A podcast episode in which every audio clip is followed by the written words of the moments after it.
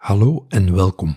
U luistert naar de verhalenpodcastreeks Verbonden door Verhalen van het departement Kanselarij en Bestuur.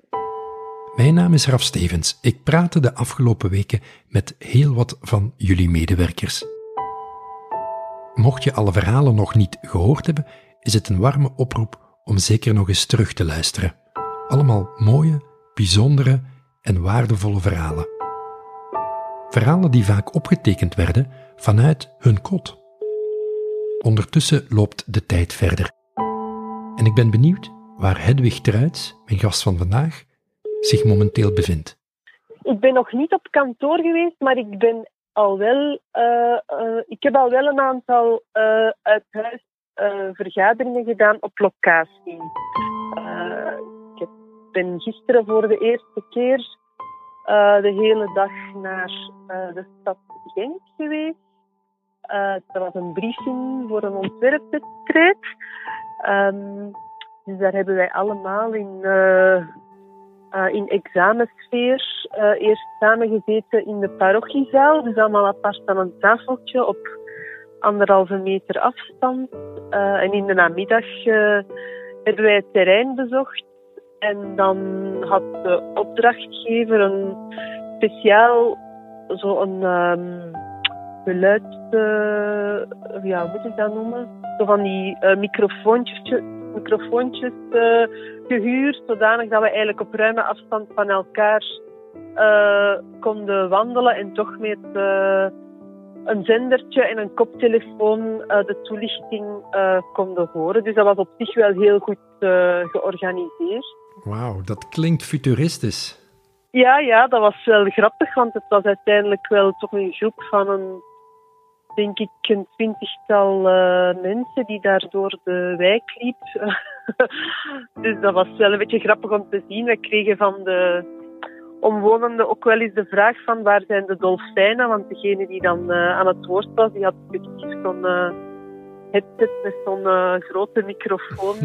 alsof hij de dolfijnentrainer in de zoo was. Dus dat was wel, wel grappig, maar dat was op zich wel wel goed, uh, goed bedacht. En dat was inderdaad wel fijn om uh, terug uh, in relatief normale omstandigheden aan het werk te zijn, toch wel. Normaal gezien mogen wij vanaf volgende week maandag terug naar kantoor. Um, maar ja, zoals je misschien wel weet, werken wij met flexibele werkplekken. Dus wij hebben geen vaste werkplaatsen. Um, dus niet iedereen kan tegelijk verschijnen op kantoor, want dan zijn dat te veel mensen die te dicht bij elkaar zitten. Er is per verdiep, heb ik begrepen, een maximum aantal vastgelegd. Dus je moet je wel vooraf aanmelden. Um, ja, en als het uh, vol zit, dan moet je denk ik nog thuiswerken of op een andere plek. Wij kunnen in principe ook in andere administratieve centra van de Vlaamse overheid uh, terecht. We zijn er nu meteen ingedoken. Misschien voor de mensen die jou niet kennen, kan je je even voorstellen? Ik ben uh, Hedwig Struijs. Ik werk voor het team Vlaams Bouwmeesters een drietal jaar nu. En ik ben daar projectbegeleider. Dus ik, zoals het woord het zelf zegt, begeleid ik ontwerp, procedures allerhande. Dus dat kan gaan van masterplannen tot architectuur, opdrachten, haalbaarheidsonderzoeken en dergelijke meer.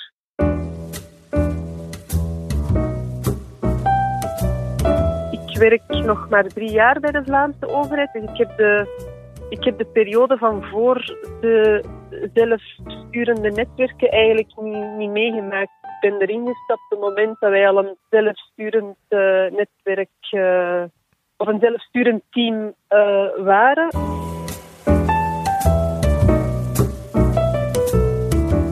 Ja, natuurlijk zijn er dingen veranderd in die zin dat we plots allemaal massaal online zijn beginnen vergaderen en ook hebben vastgesteld dat we misschien toch wel heel vaak verplaatsingen maken die, die overbodig zijn. Dus ik denk dat we er ook wel een aantal lessen uit kunnen trekken naar, naar het efficiënt organiseren van onze, van onze werktijd, wat dat op zich dan wel weer uh, goed is. Wat zie je voor jezelf in de komende weken als... Uh, waar kijk je naar uit voor de periode die, uh, die gaat komen? Ik moet zeggen, op persoonlijk vlak, als ik heel eerlijk ben, ik kijk heel hard uit...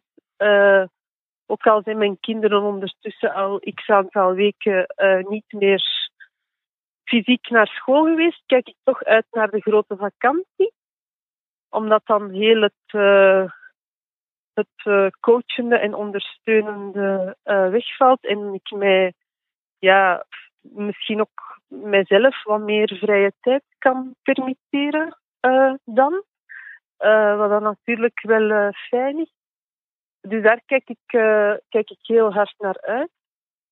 anderzijds Um, dat is iets uh, heel uh, recent en dat wist ik ook nog niet het moment dat we deze afspraak uh, maakten, is dat ik begin juli eigenlijk de Vlaamse overheid ga verlaten. ik ga een andere functie opnemen. Um, dus dat is wel spannend voor mij. Is dat een nieuwtje voor velen, denk je? Uh, mijn collega's weten dat uiteraard ondertussen wel. Hè? Ja, dat is een scoop eigenlijk, hè, in, in uh, journalistentaal. Ah, zo, ja, zo zou je dat kunnen noemen, ja. Zo zou je dat kunnen noemen.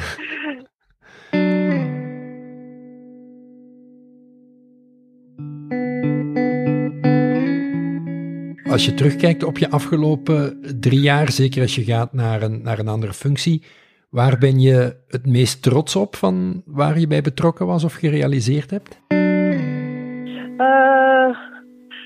Goh, trots. Ja, ik moet zeggen, ik heb het, het, uh, het uh, meest bijzondere, ik, het is misschien het meest bijzondere traject dat ik begeleid heb. Dat was eigenlijk ook wel een heel uitzonderlijk traject, zeker uh, anno uh, eh, 2020 of, anno, of uh, in de 21ste eeuw. En dat was het bouwen van een nieuwe kerk. Um, wat eigenlijk toch niet meer zo'n evidentie is de dag van vandaag om nog een katholieke kerk te bouwen. Maar dat was zo'n bijzonder, bijna sprookjesachtig verhaal, waarbij het eigenlijk een een uh, bejaarde dame al in de jaren zeventig, toen ik zelf nog een kleuter was, uh, haar volledige fortuin uh, heeft geschonken bij haar dood aan de kerkfabriek in Herentals. Wow. met als enige voorwaarde om van dat fortuin gebruik te kunnen maken dat er een nieuwe kerk gebouwd zou worden op de plek waar zij woonde.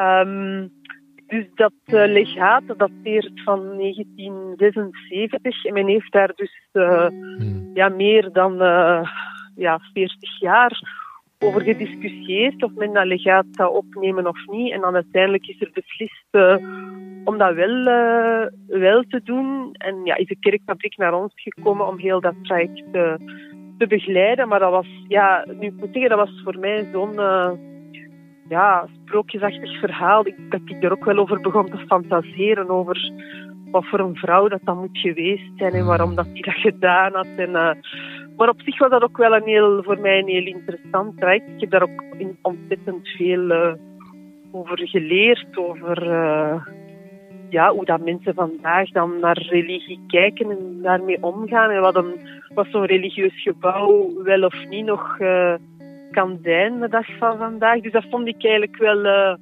wel heel, uh, heb ik wel heel aangenaam gevonden uh, om mij daar in te verdiepen. Mm. En uiteindelijk ja, is dat ook wel een heel, dus het moet nog gebouwd worden, maar is het ook wel een, ja, toch een heel mooi ontwerpvoorstel geworden dat zich helemaal integreert in de natuur en dat echt nog wel iets kan betekenen voor de stad. Dus ongeacht van het feit dat dat wel een beetje raar was om nu nog een kerk te bouwen, ben ik eigenlijk best wel tevreden met wat daar uiteindelijk uh, is uitgekomen. Dus ik denk dat dat wel voor mij het, het, leukste is geweest om, uh, om rond te werken. Of dat waar ik toch uh, ja, de meest speciale herinneringen aan heb, omdat dat ook wel ja, een beetje een, een, een wereld was waar ik helemaal niet niet meer vertrouwd was. Dus ik heb daar zelf ook wel veel van opgestoken.